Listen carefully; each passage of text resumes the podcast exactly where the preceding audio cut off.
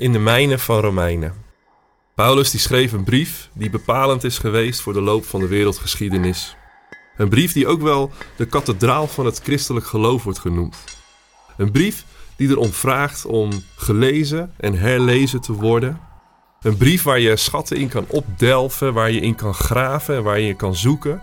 Een brief van Paulus, speciaal voor jou.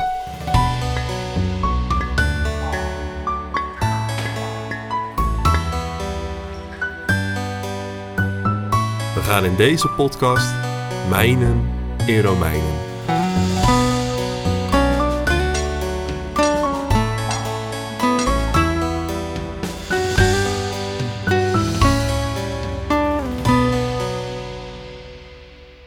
In de vorige aflevering hebben we gesproken over het oordeel.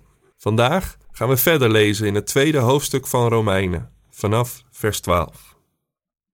Allen die gezondigd hebben, zonder de wet te kennen, zullen ook zonder de wet verloren gaan. En allen die gezondigd hebben, terwijl ze de wet wel kennen, zullen door de wet worden veroordeeld. Niet wie de wet slechts aanhoort, zal voor God rechtvaardig zijn, maar wie de wet naleeft. Wanneer namelijk heidenen, die de wet niet hebben, de wet van nature naleven, dan zijn ze zichzelf tot wet, ook al hebben ze hem niet. Ze bewijzen door hun daden dat wat de wet eist in hun hart geschreven staat. En hun geweten bevestigt dit, omdat ze zichzelf met hun gedachten beschuldigen of vrijpleiten.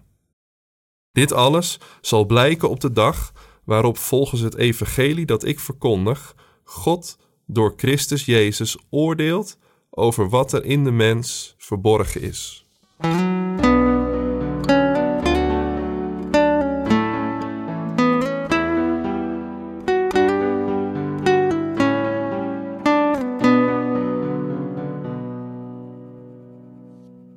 Als kind wist ik al dat ik schipper wilde worden. Mijn vader was ook schipper, maar heeft tijdens mijn jeugd een groot gedeelte aan de wal gewerkt. Ik ben dus aan de wal opgegroeid. Dit in tegenstelling tot een hoop anderen in mijn familie die aan boord zijn opgegroeid. Impliciet en expliciet werd daar onderscheid in gemaakt. Als je in je jonge jaren bij familie aan boord iets niet goed deed, kwam dat waarschijnlijk omdat je van de wal kwam. De gedachte leefde dat je daardoor een bijna onoverkomelijke achterstand had op hen die aan boord geboren en getogen waren. Datzelfde speelt in de achtergrond van de verse vandaag. Paulus schrijft zijn brief aan de gemeente in Rome, die bestond uit gelovigen uit de heidenen en gelovigen uit de Joden. Uit degenen die de wet kennen, de Joden dus, en degenen die de wet niet kennen, de gelovigen uit de heidenen. Zij die van jongs af aan al opgegroeid zijn met de wetten van God en zij die er op latere leeftijd, als het ware, ingestroomd zijn. Paulus' schrijven is er onder andere op gericht om deze twee groepen bij elkaar te houden. Door het verlossingswerk van Christus waren deze beide groepen in dezelfde gemeente terechtgekomen. En dat was ongelooflijk ingewikkeld. Vroeger leefden Joden en heidenen zoveel als mogelijk langs elkaar heen. Maar die tijd was met de komst van het evangelie voorbij. Het samenleven in één gemeenschap was de bron van veel dilemma's en moeilijkheden. Paulus wilde deze groep zegenen met het inzicht dat het oordeel van God niets te maken heeft met het horen of hebben van de wet, maar met het doen van de wet. Hierin speelt ook nog een ander motief mee in Paulus' denken. Paulus sprak al eerder over het kennen van God vanuit de schepping, in het weten wat goed of verwerpelijk is. Hij sluit dan aan op een gedachte die voortkwam uit de Griekse Stoïcijnse filosofie. Daarin leefde de gedachte dat er een natuurlijke relatie bestond tussen de mens en de kosmos. Dat vanuit deze natuurlijke relatie de orde van zaken kon worden afgeleid in wat gepast was of niet. Dus er zijn degenen die de wet horen en niet naleven, en er zijn er die de wet niet hebben, maar wel het goede doen. Paulus geeft aan dat het horen van de wet alleen niet voldoende is, maar dat het gaat om het doen van de wet.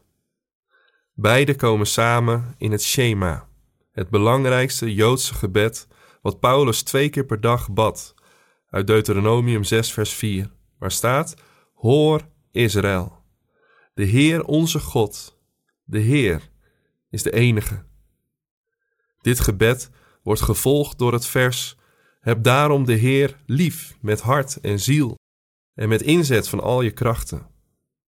Als we spreken over de wet, dan spreken we over dit vers, wat Jezus aanwijst als het belangrijkste gebod, waaraan hij toevoegt: En heb je naaste lief als jezelf.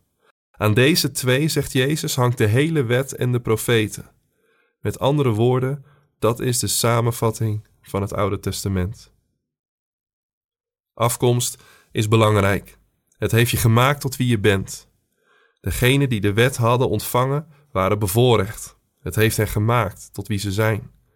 De gelovigen uit de heidenen konden bouwen op indrukwekkende filosofische inzichten. Het had hen gemaakt tot wie ze waren. Mijn neefjes, die aan boord waren, opgegroeid, hadden van jongs af aan gezien wat vader betekent. Het had ze gevormd.